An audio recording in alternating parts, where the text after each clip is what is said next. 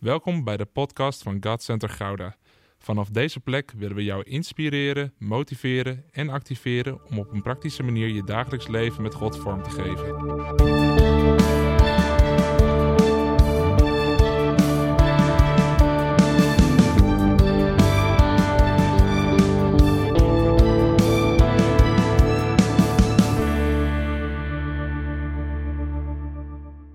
Goedemorgen allemaal, goedemorgen allemaal.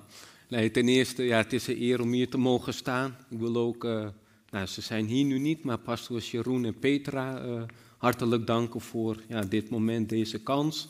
Eh, ik sprak Jeroen net nog even in de auto. Hij is lekker op weg in zijn vakantie naar Arnhem vanuit Groningen. Hij had zich even vergist, dus hij moest nog spreken vandaag. Maar veel zegen voor hem. Hij zal deze dienst ook vast terug gaan kijken, denk ik.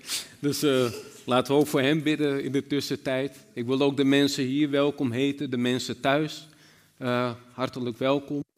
Uh, ja, misschien bent u, ja, zijn er ook nog mensen voor het eerst toevallig? Ah, kijk, geweldig. Even applaus, toch? Ja, geweldig.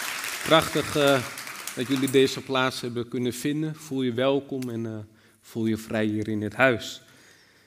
Ja, en dan sta je hier opeens zo, er gebeurt veel. Ook een prachtig nummer net, u doet wonderen, oh God. Uh, nou, die ga ik echt nog wel even bewaren voor jullie, maar ik en mijn vrouw hebben nou, uh, afgelopen tijd zeker wonderen van God meegemaakt.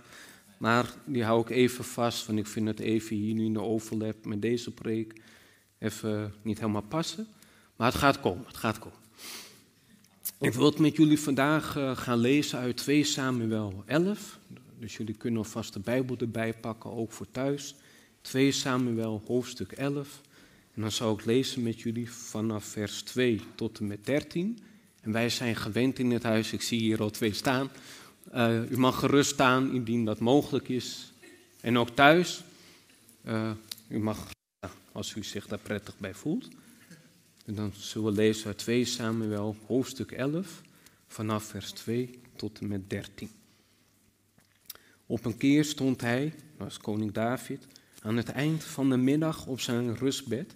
Het liep wat heen en weer over het dak van het paleis. Beneden zag hij een vrouw die aan de aarde was. Ze was heel mooi om te zien. Hij liet uitzoeken wie ze was en men zei hem, dat is Bathsheba, de dochter van Eliam, de vrouw van Hethit Uria. David liet haar bij zich komen en sliep met haar. De voorgeschreven periode van de onthouding naar haar onreinheid was juist verstreken. Daarna ging ze terug naar huis. Enige tijd later merkte ze dat ze zwanger was. Ze liet dat aan David bericht, waarop David aan Joab opdracht gaf om Uria naar hem toe te sturen. Uria meldde zich op bevel van Joab bij David, die hem vroeg hoe Joab en het leger het maakte en hoe het met de oorlog voorstond. Vervolgens zei hij: Ga naar huis en ontspan je wat. Toen Uria het paleis verliet, kreeg hij nog een geschenk van de koning mee. Maar Uria ging niet naar huis. Hij bleef slapen in het poortgebouw van het paleis, bij de knechten van zijn heer. Toen men David verteld had dat Uria niet naar huis was gegaan, zei hij tegen hem: U hebt toch een lange reis achter de rug. Waarom bent u niet naar huis gegaan? Uria antwoordde: De ark en het leger van Israël en zijn ondergebracht in hutten, op bij Joab en zijn manschappen keer in het open veld. Zou ik dan naar huis gaan om te eten en te drinken en te slapen met mijn vrouw? Zo waar u leeft, dat doe ik niet. David zei tegen Uria, blijf ook vandaag nog hier, dan laat ik u morgen teruggaan. Uria bleef die dag dus in Jeruzalem. De dag daarop nodigde David hem bij zich aan tafel en voerde hem dronken. Toen ging Uria s'avonds niet naar huis, maar legde zich opnieuw te slapen bij de knechten van zijn heer. Tot zover, u mag weer uh, gaan zitten. Voordat ik dat vergeet, uh, ik begreep dat Jeroen het ooit wel vergeten was. Dat iemand toen in de woonkamer de hele preek bleef staan. Dus dat, dat wou ik jullie even besparen. uh, nee, maar kijk, zoals we hier allemaal zitten, dragen wij een verhaal met ons mee. zoals jullie mij zien, ook ik heb een verhaal. Uh, jullie kunnen denken, nou, hij ziet er nu helemaal lekker happy uit, gaat allemaal goed, gaat vast voor de wind met die jongen. Maar uh, ja, ook ik heb een verhaal, die wil ik graag met jullie delen, ook zeker omdat ik hier nu voor het eerst spreek. dat jullie ook ja, een beetje mij daarin ook leren kennen. Uh, en het is eigenlijk zo gegaan. Ja, wat jaartjes geleden, nu bijna zes jaar terug. Het was een mooie vrijdagmorgen zo uit mijn hoofd, dat ik met mijn vrouw in ons appartementje, toen haar opa en oma op mijn bezoek hadden. En het was een heerlijke ochtend, niks aan de hand, gewoon echt gezellig, fijne tijd hadden we met elkaar. Nou, en ik, van wat ik er nog van herinner, ze waren amper een kwartiertje of zo uh, ja, ons huisje uit. En toen kreeg ik mijn zusje aan de lijn. Helemaal nou, in shock. nou, met een soort noodkreet van help, help. Ik zeg rustig, van, wat is er gaande? En toen zei ze, je moet heel gauw nu naar huis komen. Zeg maar, mijn moeder en zusje wonen in Zandam.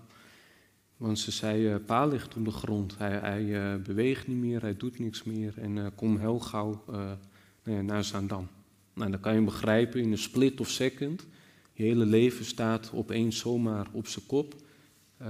nou, wat ik zeg, het was nog een prachtige morgen, was niks aan de hand daarvoor. En ineens zo, pam, staat je hele leven op zijn kop. En ik ben super dankbaar dat mijn vrouw erbij was, want die reed gelukkig uh, want we moeten niet aan denken als je zo hoog in je emoties zit dat je dan uh, moet gaan rijden. En zeker niet als man zijnde, denk ik. Want dan uh, denk ik dat ik ook nog wel wat boetes had gepakt. Maar nee, mijn vrouw reed. En nou, hoe dat toen ging, dat was een heel moeilijk moment voor ons beiden. Ik werd toen via WhatsApp op de hoogte gehouden door mijn zusje. En normaal is het al een lange route, een beetje naar Zandam. Maar toen voelde het voor mij echt als een eeuwigheid. Want uh, nou, toen kreeg ik helaas het bericht toen we bijna er wel waren van nou ja, de ambulancebroeders zijn lang bezig geweest met pa, maar uh, hij ademt niet meer.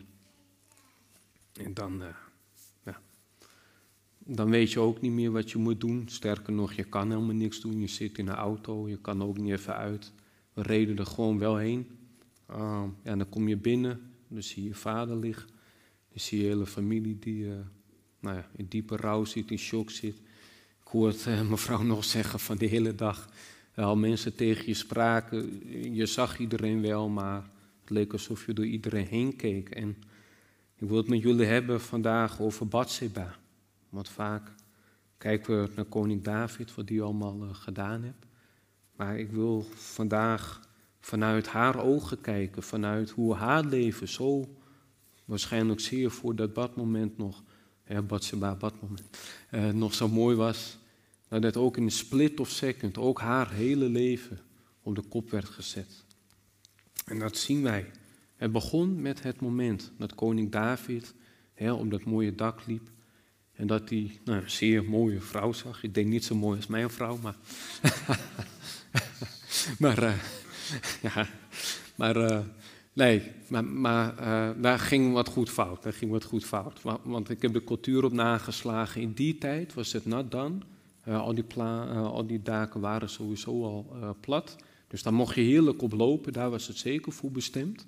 Maar het was niet bestemd in die tijd dat je dan even stiekem ging gluren. En dat vind ik ook nog wel. Je hebt altijd nog een verschil tussen even stiekem gluren en heel lang naar iets kijken wat niet voor jou bestemd is. Maar dat is het. Het was niet eens zijn vrouw. Het was een vrouw die hij ook helemaal niet kende. En zo is dat ook wanneer wij soms in zonde kunnen vallen. Er is een verschil of je verleid wordt, hè, dus dat je naar iets even kijkt en dan de keuze hebt dat je je snel wegdraait. Alleen hier ging het fout bij koning David. Hij keek namelijk niet weg.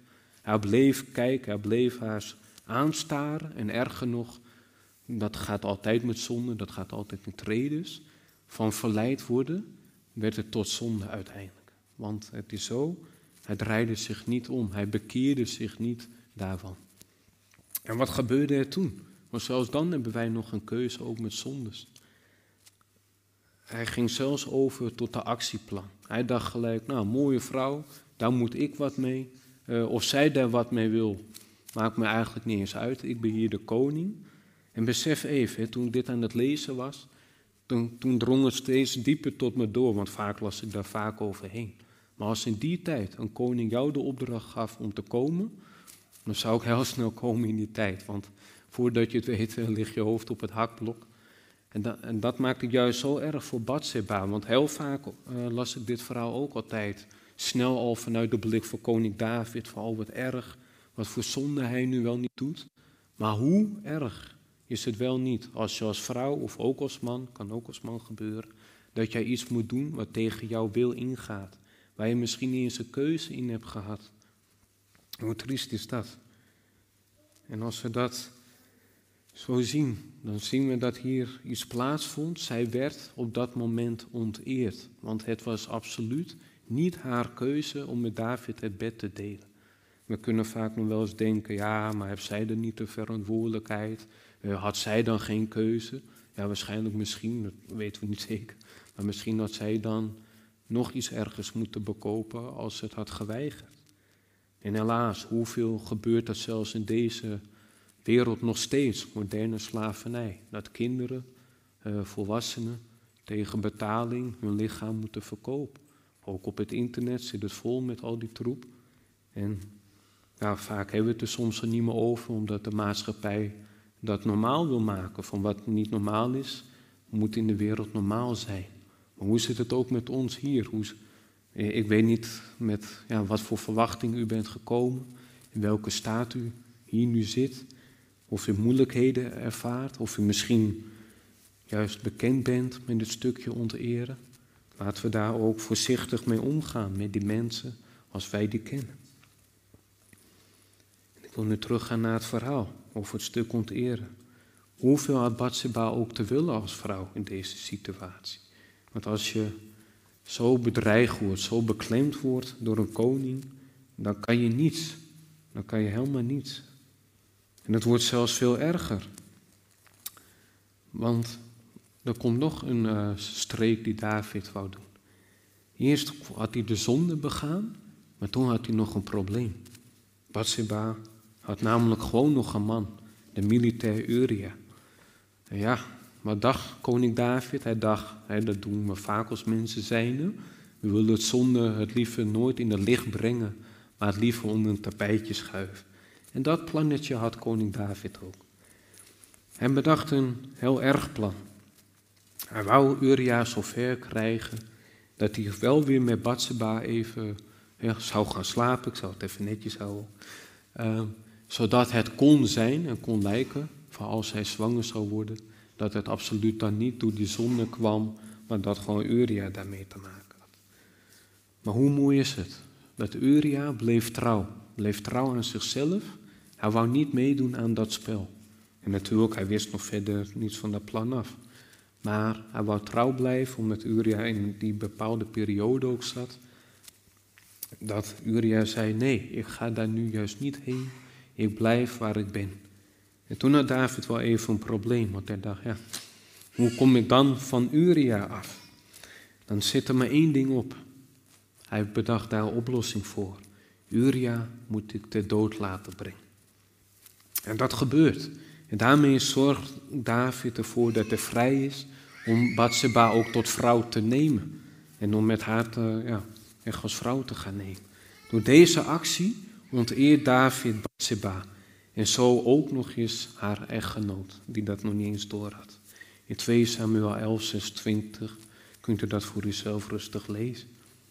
En dan baart ze daarna vervolgens een kind van de ander, dat vervolgens sterft. Heel vaak, en zeker in deze tijd, wordt het steeds minder populair. Maar ik geloof ook, en zeker, ik ga geen angst uitpraten, wil ik ook altijd er duidelijk bij zeggen. Ik geloof echt in een God van liefde maar geloof ook in een God die het recht lief hebt, die rechtvaardigheid lief hebt, die de heiligheid van zijn vader ook lief heeft. Dat als wij zonde doen, kunnen daar soms ook wel eens dingen tegenover staan. En dat is heel erg, want dan moeten we niet te licht opnemen. Want toen koning David gezondigd had en hij kreeg na een hele lange poos pas dat besef, toen brak zijn hart. Hij stortte zijn hart uit voor God de Vader en hij vroeg hem, Heer, neem deze zonde van mij weg. Vergeef mij, Vader. En het mooie is, dat doet God zeker. God vergeeft hem wel van die zonde. Alleen, zeer verdrietig, het had ook wel een vervolg, een heel groot vervolg. Hun eerste baby stierf namelijk. God liet zich in dit verhaal niet meer zich op dit moment. Maar het mooie is wel, God vergief hem, uh, God vergaf hem wel van die grote zonde. En ook wat betreft het stuk onteren. Maar ik al zei, het kan soms een keuze zijn, dat je zelf uh, bepaalde moeilijke keuzes maakt. Maar onteren kan je ook aangedaan worden. En als je ziet, ook qua met onrecht. Onrecht kan je aangedaan worden. Ik zal niet het hele verhaal vertellen, dan sta ik in nog wel even. Ik heb in een bepaalde periode van mijn leven in een werksituatie gezeten. Dat al gauw doorkregen dat ik christen was. Ja, dat is nou niet per se het uh, meest populaire uh, wat je dan soms uh, ja, kan meemaken om je heen. Want op de afdeling was wel echt een keiharde salesafdeling. Allemaal ben je van die egootjes ook. En ik voelde me daar altijd niet heel prettig bij. maar goed, ik probeerde gewoon echt leuk, tot zover dat lukt natuurlijk. Goed contact te maken met iedereen. En uh, ja, op een dag ging de manager weg. Heel veel mensen gingen, kwamen binnen, gingen weer weg. Het was een hele onstabiele periode toen. Ook in mijn leven qua werk, want dat is dan toch moeilijk. Maar ik dacht, Heer, ik bad tot God, wat er ook gebeurt, ik ga hier niet uit mezelf weg. Ik blijf volhouden, vraag me nieuw, maar blijf volhouden en vooral, Heer, wilt u mij echt hart met liefde geven, want ik ben gehaar beter dan hun. Ook ik heb elke dag uw liefde nodig. Ook net zo goed dat ik een kind van u ben. Nou, dat heb ik geweten, want dan gaat God je mensen geven om je heen die je heel hard gaan schuren. En die je heel hard gaan uitdagen ook. Nou ja, prijs God, nu, nu kan ik het zeggen achteraf. Maar daardoor ben ik uiteindelijk zelfs daar hier terecht gekomen. Maar goed, dat wist ik toen natuurlijk helemaal nog niet. Maar toen kwam er een nieuwe manager en ik vergeet het nooit meer. Uh, het ging heel lekker, puur qua sales. Ik zat elke maand gewoon goed in de top drie. Ik dacht, nou, niks aan het handje dan, zou je denken. En die manager, hij was net nieuw. Voor me liep hij twee, drie maanden lang uh, rond daar. En ik liep tegen mijn eerste jaar aan van mijn contract. En hij zei, André, kom maar even mee, we gaan even zitten. Ik zei, oh, oké, klinkt niet heel leuk. Dus ik ging rustig zitten. Hij zei, ja André, die theologie van jou, daar moet je echt maar wat mee gaan doen, joh. Ik zeg, oké. En verder? Want ik zeg, ja, moet ik dat hier gaan doen op het werk? Of wat bedoel je dan precies? Ik, snap, ik volg je nu even niet helemaal. En dat vond hij niet zo leuk. Hij zei, oh, gaan we het zo doen? Ik zei, oh, gaan we het... Ik zeg, ik weet helemaal niet wat me te wachten staat. Ik zeg, vertel alsjeblieft. Hij zei, je contract gaan we niet verlengen. Uh, het is klaar. Maar toen zei ik, oké, wauw. Uh, oké. Nou, ik viel er helemaal stil. Ik was echt even helemaal in shock. Dus weer zo'n uh, moment dat je hele leven in één keer op stelte staat. En ik dacht echt, oké, okay, wauw, heer, echt oprecht. Wat heb ik gemist in dit jaar? Heb ik dingen niet goed gedaan? Heb ik mensen iets aangedaan? Heb ik de manager misschien iets niet aangedaan? Maar dat kwam er gelukkig niet uit. Maar nou toen ik thuis kwam, was helemaal leuk. Dan ben je helemaal nog niet zo lang getrouwd. Morgen trouwens zijn we twee jaar getrouwd. Ja, ik ga toch zeggen. dus uh, ja, ja, ja. Dus dat gaan we nog wel vieren. Dankjewel, dankjewel. Maar uh, we waren echt serieus net getrouwd. En uh, ja, dan kom je thuis met tranen in je ogen en dan moet je ook nog eens tegen je vrouw gaan zeggen, nou, ik heb binnenkort geen baan meer. Nou ja, ik vond het wel super schattig en heel lief dat mijn vrouw me gelijk die backup gaf, die support gaf. Hey, hè, van je mag je echt om rouwen, ook dit is dan weer een soort rouw die je dan even hebt, maar het mag. En het komt wel goed, het komt wel goed. Maar dit was toen, op dat moment, voelde ik me als het ware nou ja, onteerd vind ik een wat te groot verhaal in, in dit perspectief. Maar mij was in die zin in het klein dan ook iets aangedaan. En toen ik dit weer las, kwam het zo terug en echt vele malen erger. Begrijp me niet goed, vele malen erger voor Batseba. Maar toen ik dit las, hoe Batseba zo onteerd werd, zonder dat zij dat wou, toen dacht ik, wauw Heer, vergeef toch de mensen, zeker in deze tijd, die dat zelf uitrichten bij ja, mensen die zich niet kunnen verweren. Vergeef die mensen en richt ze op. Richt ze op. En dat raakte zo mijn hart in dit verhaal. Dat Batseba zo onteerd werd, zo gebroken werd. Weet u wat het mooie is? Want het moet natuurlijk niet een zware ochtend worden, zeker niet mijn eerste preek. Wij dienen ook, we dienen ook echt een God van hoop. We dienen een God die ons wil oprichten. En ik weet niet hoe u deze morgen erbij zit. Maar weet u wat God ook wil doen in u en in jouw leven? En dat deed hij ook zeker bij Batseba. Hij wil je deze morgen in ere gaan herstellen. Hij wil je naam gaan herstellen. Op je werk, in je familie, in je vriendenkring, misschien in de kerk ook wel. Hoe geweldig is het dat God Batseba in ere herstelt. Want dat gaat ver. Dat is echt geweldig. Want dat zit hierin. Dat de Heer het voor Batseba en voor vrouwen, en ik zeg het ook gewoon bij, ook voor mannen, maar dat kan mannen ook gebeuren, voor dat soort mensen opneemt. God is een God die zeer slecht kan tegen onrecht. En die het hoog opneemt voor zijn kinderen. Die het heel hoog opneemt voor zijn kinderen. En het verhaal gaat zo verder. Dat Batseba opnieuw van David zwanger wordt. En dat de Heer het kind dat zij baart lief heeft. En hoe gaaf is het dat kind? Is de latere koning Salomo. Maar van de profeet Nathan krijgt het een andere naam, Jedidja. En weten jullie wat Jedidja betekent? Nee? Lieveling van de Heer. In 2 Samuel 12, eh, hoofdstuk 12, vers 24, 25, kunt u dat rustig voor uzelf teruglezen. En dat zijn geen loze woorden. Ik geloof ook echt, de naam die wij hebben gekregen, hebben vaak een prachtige betekenis voor God. Soms kan het zelfs zijn dat dat ook te maken heeft met je roeping die God op jouw leven hebt. Dus daarom, ik zou zeggen, als je straks naar huis gaat, kijk eens even wat je naam betekent als je dat nog niet weet. En ga daar ook mee in gebed met God. Van wat wilt u doen met mijn leven? Wat, wat, wat beteken ik uh, ja, voor mensen om me heen en wat mag ik doen voor de mensen om me heen? En nog even terug naar die zoon van David. Die zoon van, deze zoon van David, een van de velen, is later koning geworden.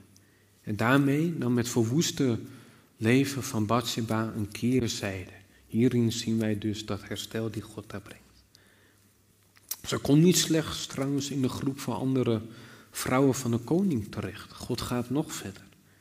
Ze krijgt een bijzondere status, noem ik het even dat deze vrouw in de stamboom van Jezus terecht is gekomen, dan zien hoe de Heer zich aan haar lot heeft aangetrokken. En dat is het mooie, dat is ook de preek van mijn titel. Hierin zien wij, ik zie, ik zie wat jij niet ziet. Heel vaak kunnen wij er mooi bijlopen, kunnen we onze grootste glimlach opzetten, kunnen we ons haar goed hebben, nieuwe kleding hebben, allemaal mooi. Maar weet u, uiteindelijk zelfs dat kan schijn zijn. Want God kijkt er dwars doorheen. God ziet hoe wij echt werkelijk zijn. En dat mag. God ziet ook onze pijn en ons verdriet. En wat ik zo in mijn hart kreeg toen ik ging bidden, daarom vond ik de worship ook zo mooi. Het sloot zo aan bij deze preek. Kijk, ik zie nu wat ik zie. Ik zie jullie. Ik zie jullie buitenkant, jullie zien allemaal mooi uit. Dat, dat is wat ik zie. Maar ik zie niet, gewoon letterlijk met mijn ogen nu, wat er van binnen speelt. Wat er misschien afgelopen week is gebeurd in uw leven. Dat zie ik niet. Maar weten wat wel mooi is? God, die ziet wel alles. Hij ziet wat hij alleen kan zien, wat anderen helemaal niet kunnen zien überhaupt. En besef dat even, laat het even op u neerdalen, ook voor u thuis. Misschien loopt uw hele leven, ik weet niet voor wie dit woord is, ook al is het al voor één iemand, dan ben ik God al super dankbaar, want het gaat vaak ook bij Jezus om de ene al. Maar als u al zo vaak in uw leven loopt, misschien met een masker op, dan mogen die masker, die mag deze morgen van u afvallen. Ook dat mag u bij God brengen, want God wil helemaal. God wil u niet voor de helft hebben, God wil u helemaal kennen. Dat zien we ook zo mooi bij koning David. Zelfs toen hij die zo erge zonde had gedaan. Misschien loopt u wel met een hele grote schuld rond in uw leven, ik weet het niet. Maar God weet het wel. En dan zou ik zeggen, wacht er niet te lang mee. Want u weet niet wanneer uw laatste dag is. U weet niet wanneer dat moment is. Maar God wil u zo graag kennen, zelfs die pijnlijke kanten aan ons leven, ook bij mij hoor. Ook onze minder mooie kant, mogen deze morgen in het licht brengen van God. Maar weet wat er dan gebeurt? Ook dan daarin, ook in uw pijn, in uw rouw, in uw verdriet. Ook wat ik toen met mijn vader heb meegemaakt. U ziet hoe ik er nu na zoveel jaar er nu bij mag staan door Gods genade. Ook daarmee stopt het niet.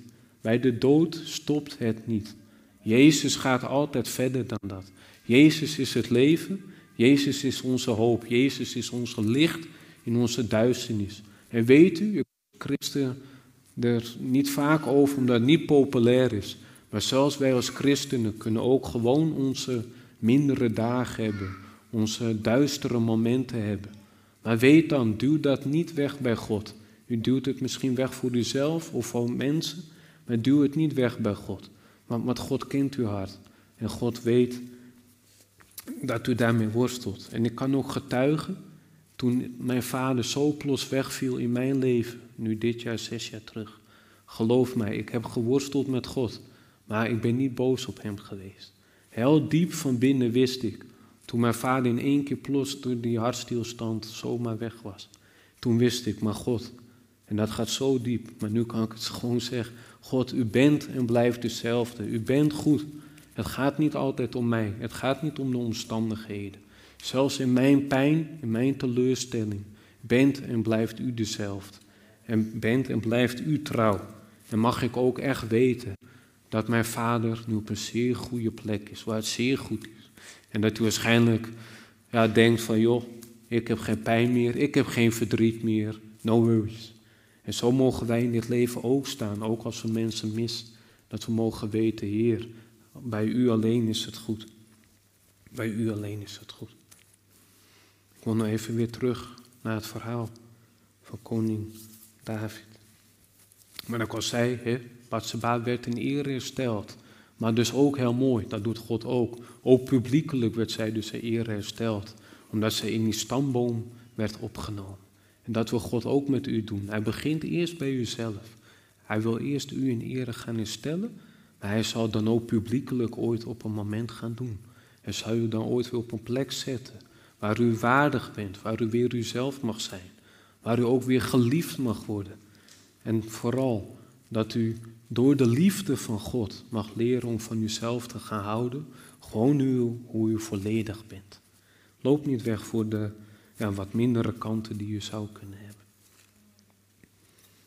En als we dat dus zo zien, in de keerzijde van het erestel wat Batseba krijgt, dan zien we ook daarin nog iets anders. Dan zien we van hé, hoe kan het ook anders? Als mannen die zo gewelddadig te werk gaan, niet in aanraking zouden komen met Gods gerechtigheid. Waar bleef dan die gerechtigheid? Het zou onverdraaglijk zijn als hij ongestoord een gang konden blijven gaan. En dat geldt nog steeds, ook juist in deze tijd. Niet voor niets wordt in de Bijbel zo vaak over het oordeel van God gesproken. Juist het oordeel over zondaren toont dat er Gods ernst ook gewoon is als hij aan de kant van de slachtoffers gaat staan. En ja, misschien kunt u ook te maken hebben gehad in uw leven met pesterijen, doordat u anders bent dan anderen, omdat u daarin al opvalt als christen, omdat u misschien uw woordje wel eens goed klaar hebt, dat u uh, pittig karakter misschien ook wel heeft, dingen die u ziet, wat u niet trekt op uw werk, wat gewoon nadan is, dat u de moed hebt om dan op te gaan staan, dat u daar op een liefdevolle manier daar wat van durft te zeggen dan kan dat uh, offers vragen. Dan kan het zijn dat je ontslagen wordt, kan het zijn dat mensen je gaan tegenwerken. Misschien zit je net uit een moeilijke relatie. Dat je daarin je onteerd voelt, dat je daarin je plaats nooit gekend hebt. Misschien ben je ook helemaal niet bekend met zo'n liefdevolle relatie, van hoe het ook kan. Dat je daarin pijn hebt gehad, geen fijne partner hebt gehad, teleurstelling hebt gehad verdriet hebt gehad. Misschien ben je heel populair in je vriendenkring. En zien mensen altijd maar de mooie dingen aan je. Maar zit God de binnenkant? Jouw eenzaamheid. Misschien zit je hier nu met eenzaamheid. Juist in deze tijd hoor ik het veel om me heen. Dat mensen verlangen echt naar sociaal contact. Gewoon weer even naar een hak. Even weer naar, naar die diepe vriendschap. Misschien zit je hier wel in de kerk en zien mensen jou niet staan, zien mensen jou niet zitten. Of voel jij je nog wat alleen. Maar weet dat God ziet jou. God ziet alleen hoe Hij jou kan zien. Hij ziet jou zitten, Hij kent jouw situatie.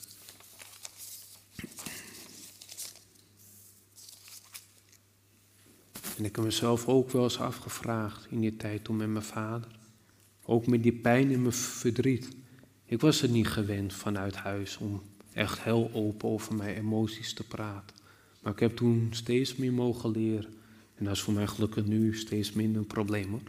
Maar dat ik juist die emoties gewoon ook naar God mocht uiten. Van Heer, ziet u wel mijn pijn? Ziet u wel mijn verdriet? Of ziet u wel dat ik af en toe mij alleen voel? Dat ik mij eenzaam als christen voel? Ook zelfs even in de kerk. Dat mensen heel lief bemoedigende dingen zeiden. Maar ja, no disrespect naar dat. Maar je kon er toen even niks mee. Het mag dat iemand je ook gewoon zegt, gecondoleerd is ook goed. Maar mensen wouden me echt gaan helpen en ik vond het echt lief, maar dat kan dan niet even. Er zijn situaties in iemands leven, dan kan je iemand niet verder helpen. En dat hoeft op dat niveau dan ook niet. Dan mogen naast iemand gewoon gaan staan, mogen we bidden. En ja, helaas, nu mag het eigenlijk niet, maar een soort van uh, ja, je arm of hè, even om de schouders slaan. Maar dat is mooi. Dat is mooi hoe God ons daarin wil helpen. En ja, ik wil alvast de worship team naar voren vragen. We gaan straks heel mooi nummers zingen, maar ik heb eerst nog op mijn hart om te bidden met elkaar. En terwijl we misschien op de achtergrond, instrumentaal een beetje, misschien al het nummer kunnen spelen, wil ik gaan vragen uh, over thuis en voor hier om op te gaan staan. Het is goed, vind ik, met een preek, dat we het ook uh, ja, een vervolg mogen geven, ook juist voor ons leven. En ik geloof echt, de nummers sloegen er al helemaal op aan. Van ik geloof, ik geloof in wonderen, o God. En ik geloof zeker ook deze morgen, je kent uw situatie niet, maar ik geloof ten eerste dat Jezus sowieso al het grootste wonder in ons leven mag zijn, als dat nog nu niet het geval is en voor ons is. En als we het grootste wonder kennen in ons leven, hoe mooi mag het dan ook zijn? Dat dan ook bepaalde praktische wonderen in ons leven, misschien heb u iets nodig, een baan, financiën, misschien bent u op zoek naar een partner, misschien bent u wel op zoek naar eerherstel, op zoek naar genezing, herstel, bevrijding. Ik ga het bewust al niet eens opnoemen, want ik wil gewoon de Heilige Geest ruimte geven deze morgen. Dat als we straks met elkaar zo gaan bidden, dat God het in u mag gaan doen deze morgen. En, en dan hoef ik het niet eens te weten wat u nodig hebt, want ik weet, onze Vader weet heel goed wat wij nodig hebben. En terwijl uh, ja, zachtjes uh, gitarenspel mag klinken, wil ik jullie voorgaan in gebed. En ook nog dit trouwens, want dit schreef ik nog uit gisteren in mijn voorbereiding weet niet voor wie dit is. Ik geloof ons allemaal sowieso. Maar misschien bewust wel voor één iemand die dit nodig heeft. Moest ik dit opschrijven. De liefde van God dwingt nooit. De liefde van God dringt alleen. En dringen is ons liefelijk aanduwen. Ons liefelijk naar voren bewegen. En ik zag het beeld dat God, de Vader, net als hele praktisch, ja, als het ware, ja, als je als kind voor het eerst moest leren fietsen, dat hij jou liefelijk in je rug dringt. Liefelijk. Niet poesen. Niet poesen. Geen dwang. Geen controle. Misschien heb je daar hele nare ervaringen mee. Maar zo'n God dienen wij niet. God dringt ons. Hij duwt ons lichtelijk naar voren. En weet u wat er dan gebeurt? Dan vertrouwt hij en dan laat hij je rustig steeds meer los. En natuurlijk, hij laat je niet letterlijk los. Maar hij, laat je, hij, geeft jou die verantwoording.